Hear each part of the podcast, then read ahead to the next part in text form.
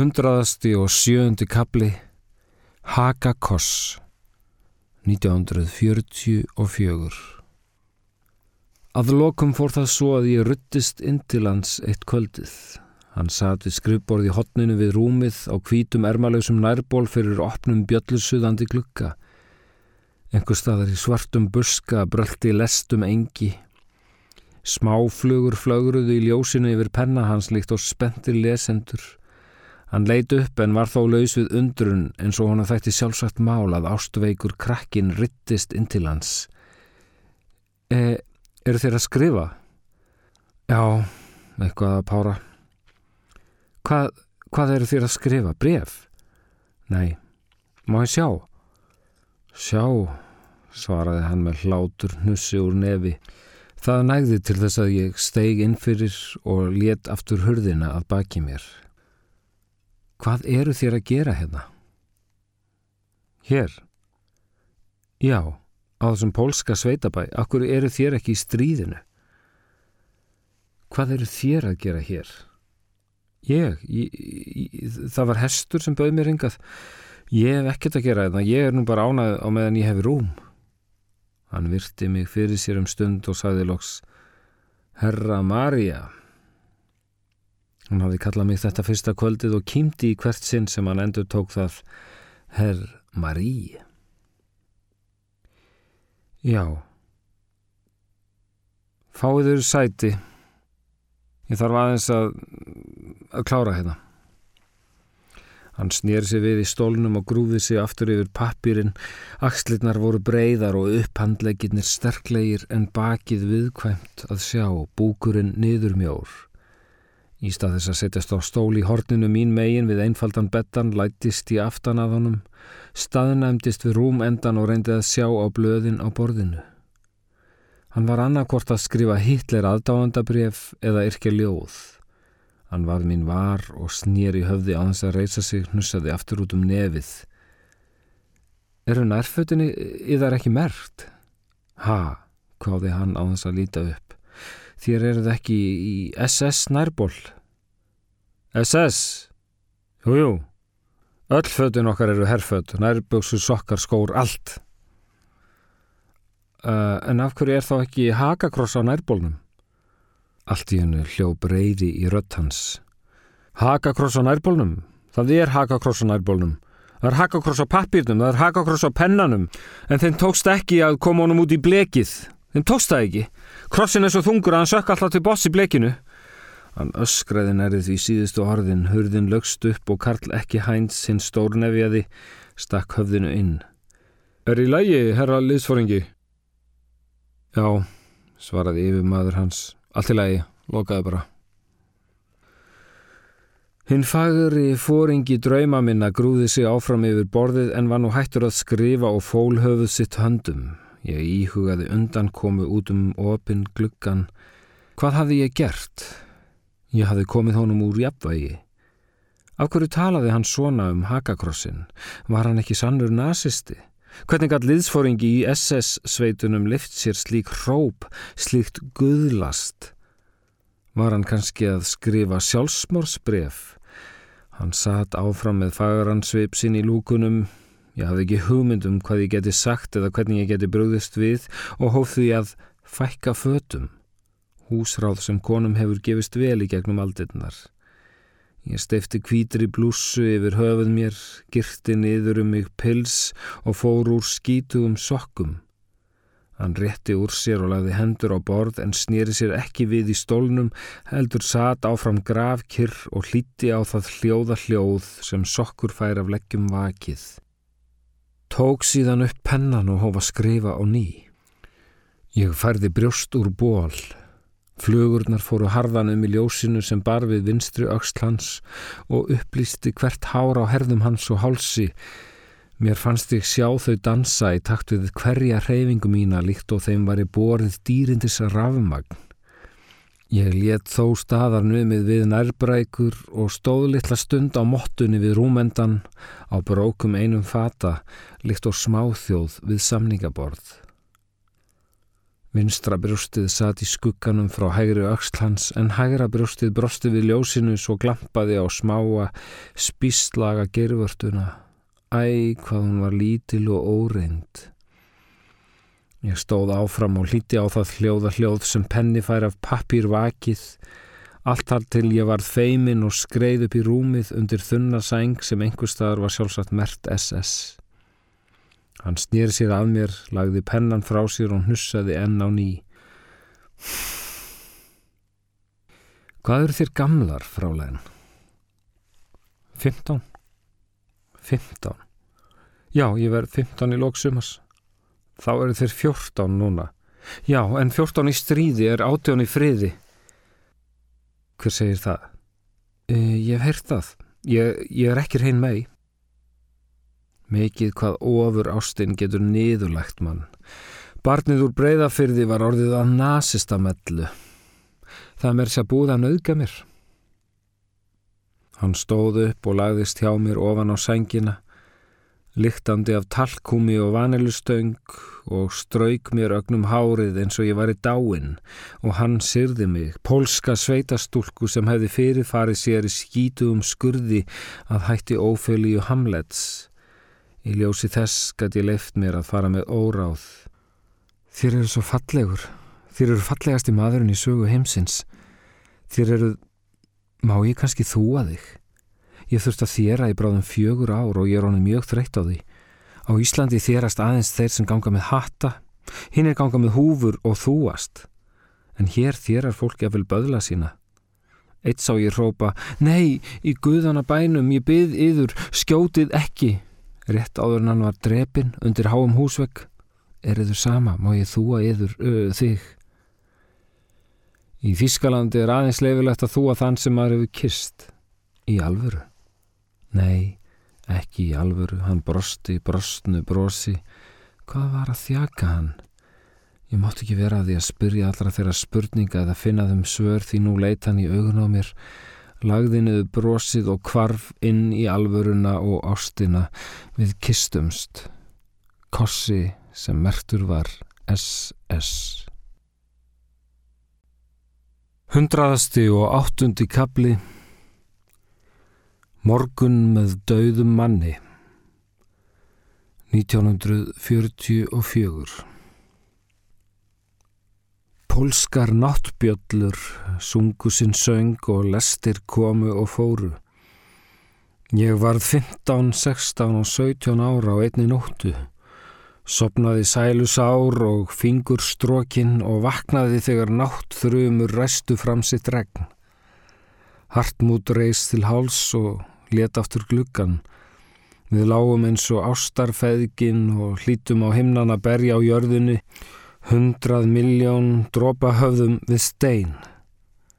Við áttum enga framtíð en andartækið helt okkur fast og hvað var lífið annað en morgunstund í mannsins örmum. Mér var hugsað til allra minna hörmunga, hungur daga og götum þýskra borga, langra nótta í neðanjarðar byrgjum og nauðgunar í pólskum kofa og þótti nú allar þær tröppur léttar þar sem ég láfið fagur mann á sælu tindi. Ég var að ljúa. Ég var hrein mei. Þetta var fyrsta skiptið.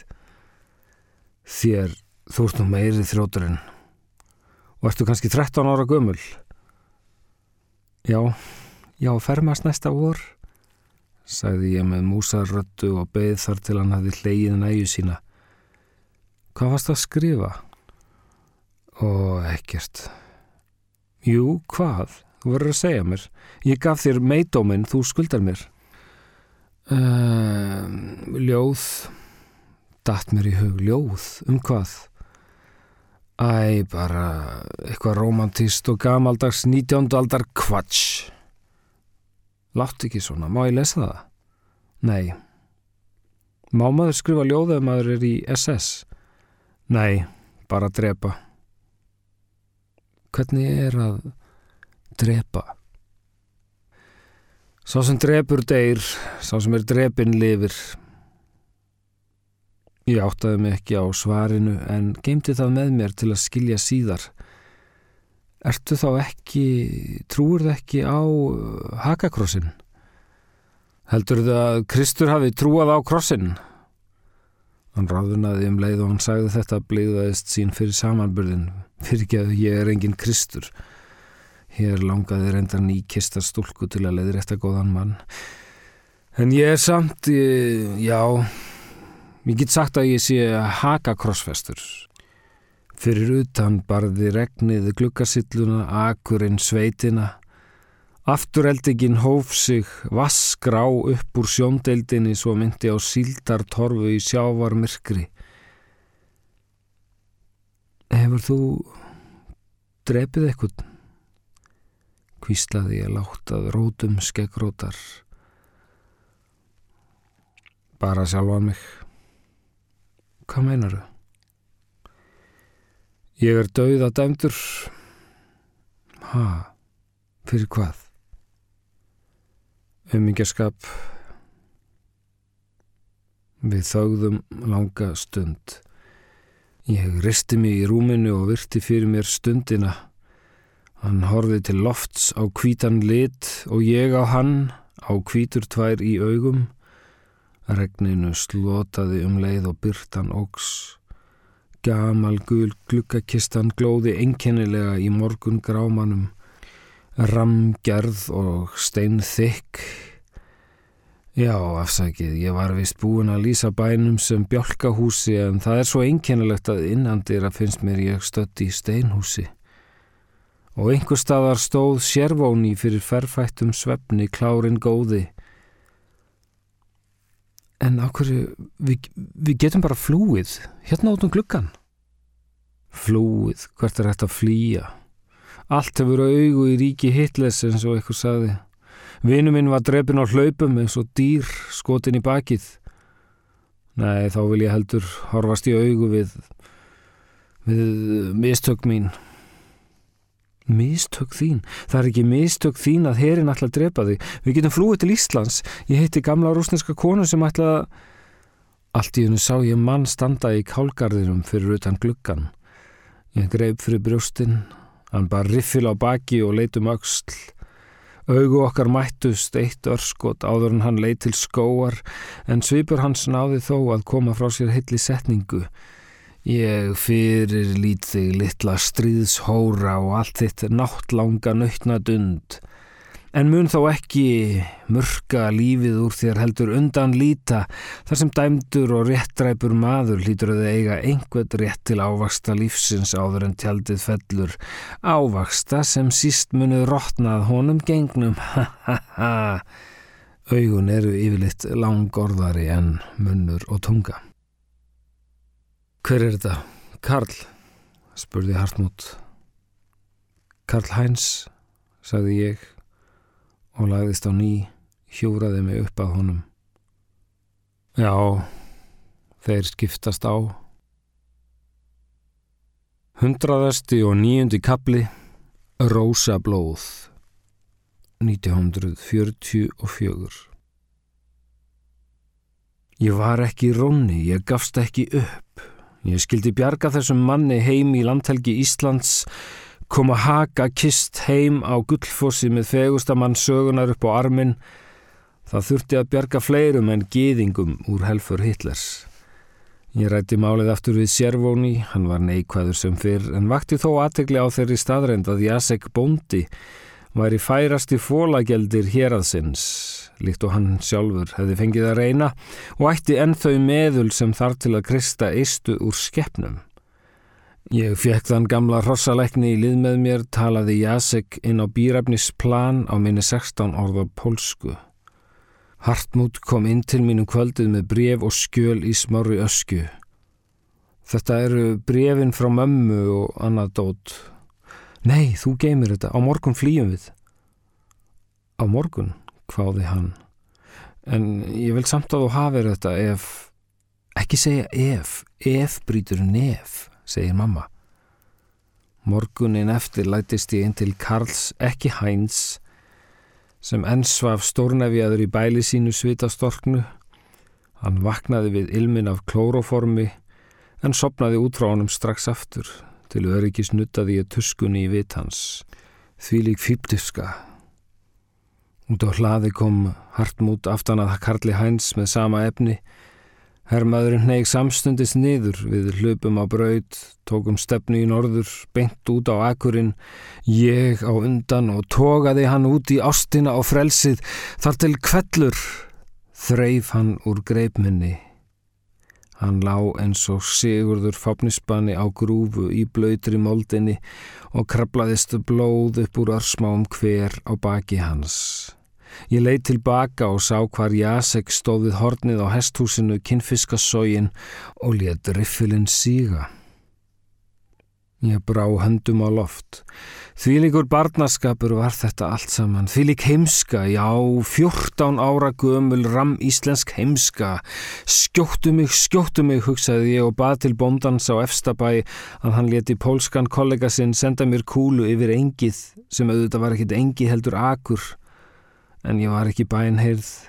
Það lá meira á því að senda aðrar sálir til himna. Handan yfir bæjarhúsið og innan úr því bárust tveir bissukvellir og það leindi sér ekki að hver þeirra innihjelt öskur sálar. Römm blóðtaka fyrir þíska vegagerð. Ég let hendurnar síga og náði að sveipla aðteglinni af mínu litla lífi yfir á dauða stærri manns eða var hann kannski ekki dauður. Með herkjum náði ég að snúa honum á bakið. Andlit hans var fegur en nokkur sinni. Þráttur að vera atað blöytri mold. Glhásvartur maur fór á hlaupum yfir ennið. Ég hafði séð skringimann blása lífi í kapnaða konu í kjallarabyrgi og þetta reyndi ég nú, eins og Júlia við Rómeó.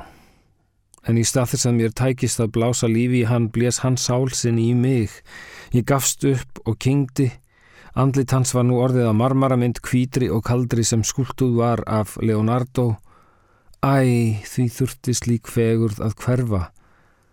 Ég reyndi að leggja þennan svip á minnið líkt og hamingi uppskrift sem byrtist manni í draumi og er tærast í sannleikur heimsins litla stund en hverfur síðan í rökkur og minn fyrsti eini. Í brjóstvasa hans fann ég öskuna Líkt og glóð heitar bökur yfir kulnuðum eldi lágu þeir pappýrar yfir hjarta sem hætt var að slá. Ég opnaði öskjuna og fletti út, saman brotnu blaði, merktu hauskúpu, hakakrossi og SS. Fyrrum átti ég rauða rós með rósa blaða gnótt. Hún var hið bjarta blómaljós sem bar ég einn um nótt. Ég hengdi það blóm í hjarta stað og hjælt á lífsins fjöll, en fann þá sorg við fyrsta vað, minn fagra rós var öll. Af rósa blöðum, rósa blóð, þá rann mér skjótt í barm, með rökum augum ég rak þá slóð, öns rann mér nótt á kvarm. Rann mér nótt á kvarm.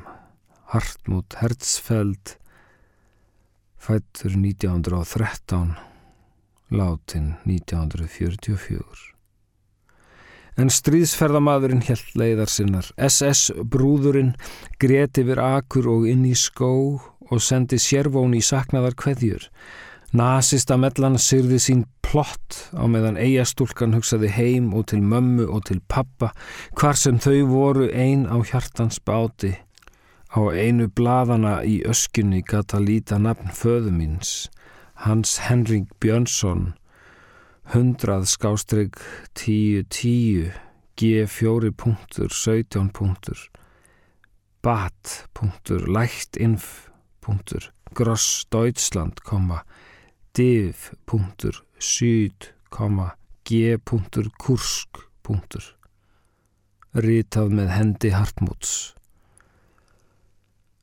Ég hafði sagt honum frá pappa, hann hafði lofað að grenslast fyrir um það hvar í stríðinu Íslendingurinn væri niðurkomin þegar hafði loftskeita tæki á einu herbergjana. En Hartmut sagðist ekki hafa orðin eins vísari. Hvað þýtti þetta þá? Kursk. Var það kannski hermál yfir talin af? Ég kynkti hálsins kekki og beigði mig undir trjágrein, lagðist í hnipur undir tri og ákallaði skóarsvín og úlf og björn að koma til að semja sín á milli um sorgarlegna stelpusganga. Sá grenin ála beður ilmaði vel og dreg ég nú þá tregljúfu lykt upp úr mínu sokna sinni lykt og gullþráð úr fjós haugi.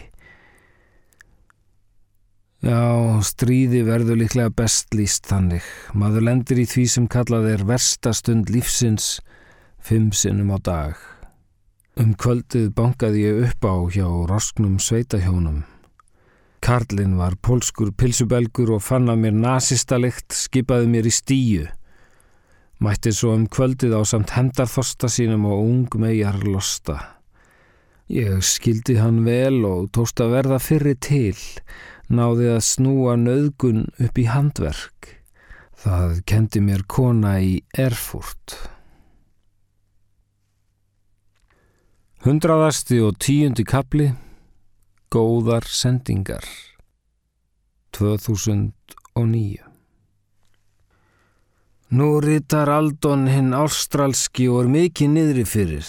Hann segist hafa staðið í þeirri meiningu að þau linda var á leið í hjúskap og deilir þeim ótíðundum að nú sé bót hættur við mótið í Melbourne.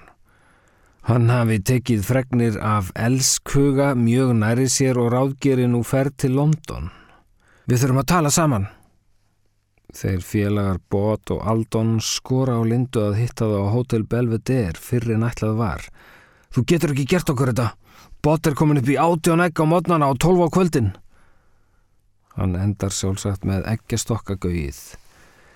Bakari minn er á ljúvari nótum byður Lindu að útskýra fyrir sér hvað gerst hafi á Íslandi. Um helgina hafi hann verið á dansleikin í skói og frett þar að kviknað hefði í öllum böngum Íslands sama daginn og þeir brunnið til kaldra kóla peningar allir fuðrað upp. Hvernig gæt svona gerst? Fegur það drottningin svara því til að Íslandikar hafi alltaf staðið saman og örlaga stundu. Hann spyr á móti hvort hún eigi fyrir lit á varirnar, hvort hann eigi ekki að senda henni sjóðin sinn góða farar eirin sem hann hefur sapnað sér á tæpu ári. Fallegur ertu, bakar í góður. Síðan koma aðrir póstar stílaðir á sjálfa mig. Ég er í sambandi við alls konar fólk út um allan heim. Það stittir mér stundir. Pedro Alvarez rítar frá Ríó og spyr hvort ég geti útvegað sér hljómdiska með gilvan okkur um ægisinni. Hann hafi lesið það í viðtali við unga íslenska tónlistarkonu að Gilvi sé sanngóður söngvari. Mig minnir að Gilvi þessi hafi lært í Vínarborg og átt sinn feril á meginlandinu. Ég byrð kannski lóu að kaupa fyrir mig disk til að senda til Brasilíu. Það er svo undarlegt en margir pennavina minna verðast halda að ég sé búðaferðafær, kona á hressum aldri. Ég hlýtt þá að vera svona ungi andanum. Ég reyni í það minnst að fylgjast með og mun vist vera aldursforseti í íslenska hluta fjesbókarinnar. Þar kom að því að forseta genin letu til sín taka. Nú set ég inn status og hef hann á frönsku að þessu sinni, sökum alþjóðlegs vinagallerís sem telur 43 einstaklinga. Herbjörg Maria Björnsson va mourir le 14 décembre mun deyja hinn 14. desember. Þetta vekur sálsagt aðtegli. Jú, jú, hér kemur nasirningurinn. Hæ, herra, big hello from bandar Lampung og þrýr broskallar. Hann skilur ekki frönskuna gauð. Nasri Mat Som er einmann að malasi sem býr fjarrri heimahögum á eiginni Súmötru Við kynntumst í bóði á netinu.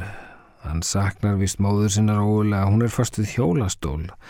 Þetta hefur hann skrifað mér og starfar þar sem lauflestrar kona, lætur aka sér millir garda og les fyrir lifendur þar sem látnir um þá segja. Malasar trúa því að í hverjum trjástofni búi framleiðin sál sem byrti á laufblöðum sínum frettir um örlög og ástir ættingja. Nasi er natin við gamlar konur og sendi mér stundum leiðbenningar um hitt og þetta, hvernig ég eigi að vara mig á eldingum og stökva af hústökum í rustlagáma á þess að slasa mig að ráði. Jæja, hér kemur önnur aðtúasendu stöðu mína. C'est le plus beau deadline que j'ai entendu parler. Skrifar minn gamli Gí neðan úr Marokko. Þetta þýðir sem sagt, uh, þetta er fallegasta deadline sem ég hef hýrt talað um. Og síðan fylgja tvö lík, eitt frá Ísafyrði og annað frá London. Æ, hún er nú bara falleg þessi fjersbók. Guy Capidul er uh, gammal fransós sem ég kynntist í sendirásbóðunum í París og hefur hangið í sambandi við mig öll þessi ár. Það er blessuð samkynneiðin hann sem vináttunni veldur en það virðist engin vegur að varvita hana á milli kynja svo vel sé. Annarkvort fer hún í bólið og endar þar með eða hún kemst ekki í bólið og endar þar með. Nú hefur Gímin reyðrað um sig í Marrakesh og fæst þar við þýðingar á allra þjóða ljóðum. Ég hjálpaði honum við íslensk atomljóð sem getur einst nokkuð snúið, ég er ekki svo vissum að ég skilji það allt sjálf. En listrænir hommakommar af þessari kynsloð kunna vel við sig í márakösinni því þarna er auðvelt með drengi. Þó líta þeir á sig sem baráttu menn gegn yfirgangi kvítamannsins. Í gamlu den voru slíkir menn sagðir lókblindir. Enn og aftur er ég komin í vinahópu Regnheiðar að þessu sinni undir nafninu Rósa Breiðfjörð. Svo fyrirnemda skrifar sér inn í daginn blessuð byggjan Regnheiður Leifstóttir á indislegan mann.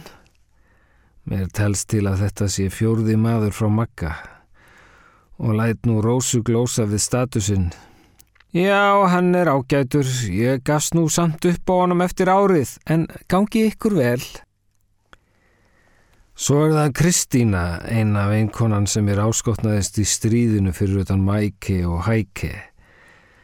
Eftir illan rakningum vesturhluta Pólans fekk ég loks inni hjá gæðahjónum í Postnan. Kristína var dóttir þeirra og í nokkra mánuði voru við tvíburasistur ens talið var best að ég flýði í átt til Berlínar á samt öðrum þjóðverjum áður en rússarnir kæmu. Hún kendi mér að telja upp á átján á pólsku en ég skrifaði fyrir hana stórhættuleg ástarbrif á þísku til sonar liðsfóringjans í ráðhúsinu og huggaði hana svo í ryggbrotinu. Allir kallmenn eru þjóðverjar, saði ég. Þá baði ég hann að varðveita fyrir mig öskju hartmúts með ljóðum hans og brefum. Nokkrum árum eftir stríðslokk barst sendibref innum lúu tímans utan á því stóð einfallega Frálæn Herra Ísland. Munað þú eftir mér? Ég aldrei gleima þér, Íslands stúlka, skrifaði hún á brogaðri þísku. Síðan höfum við skrifast á, þótt oft hafi liðið áratugir á milli brefa. Ljóðin hans Hartmúts sendi hún mér og ég gemdi þau í skúfu þar til í fyrra að systurdóttir hans átti leið til Íslands og leiðt við í skúrnum hjá mér. Fingerð kona um sjötugt, blafaði snjókvítum fingrum í gulnuðum blöðum og grét á bakvið glerugu. En nú er Kristína orðin tölvuvæt eins og ég og alflutt til Þískalands býr hjá dóttur sinni og manni hennar og búin að fyrirgefa þýskum innrásina í landsitt og hjarta. Dóttursónur hennar er knatsbyrnu stjarn á hálaunum hjá kölnarliðinu. Fjölskyldan er hins vegar halv óróleg þessa dagana, drengurinn hefur ekki sett mark í sex mánuði og eigðir kvöldunum einni í glæsi íbúð sinni á bökkum rínarfljóts, situr þar í þungum stól og gónir í vassflöyminn. Hún hefur áhyggjur af honum gamla konan og sjálfri sér um leið, afkoma og framtíð fjölskyldunar veldur á því að hann hitti knöttin. Hinn kathólska Kristína fer til kirkju þrísvar á dag til að byggja Guðum það sem hún kallar góðar sendingar. Mig skortir þær vist ekki. Susan Somersworth er solskins kona á vesturstrand USA Eina þessum konum sem eru í sambúð með eigin hári og hugsa um það af sömu nattni og annað fólk um gæludýr eða lasin maka. Hún er afar kvimleiður pennavinnur en ég get ekki annað en svarað henni eftir að hún, þá stött á ferðalagi í Búinas Æres, Gerði sér ferði í Chakarita kirkjugarðin og fann fyrir mig örlítið leiði til að leggja blóm á. Hún er yfir sig glöð og jákvæð, vil fá að vita allt um Ísland, sendir mér heilu hersveitirnar af sólgulum broskörlum sem ég kallast undum smælingja og verður sjálfsagt jörðuð brosandi. Ekki veit ég hvaðan könum kemur öll svo kæti en brosismin er þó víst betri en bannsettur bolsjevismin var.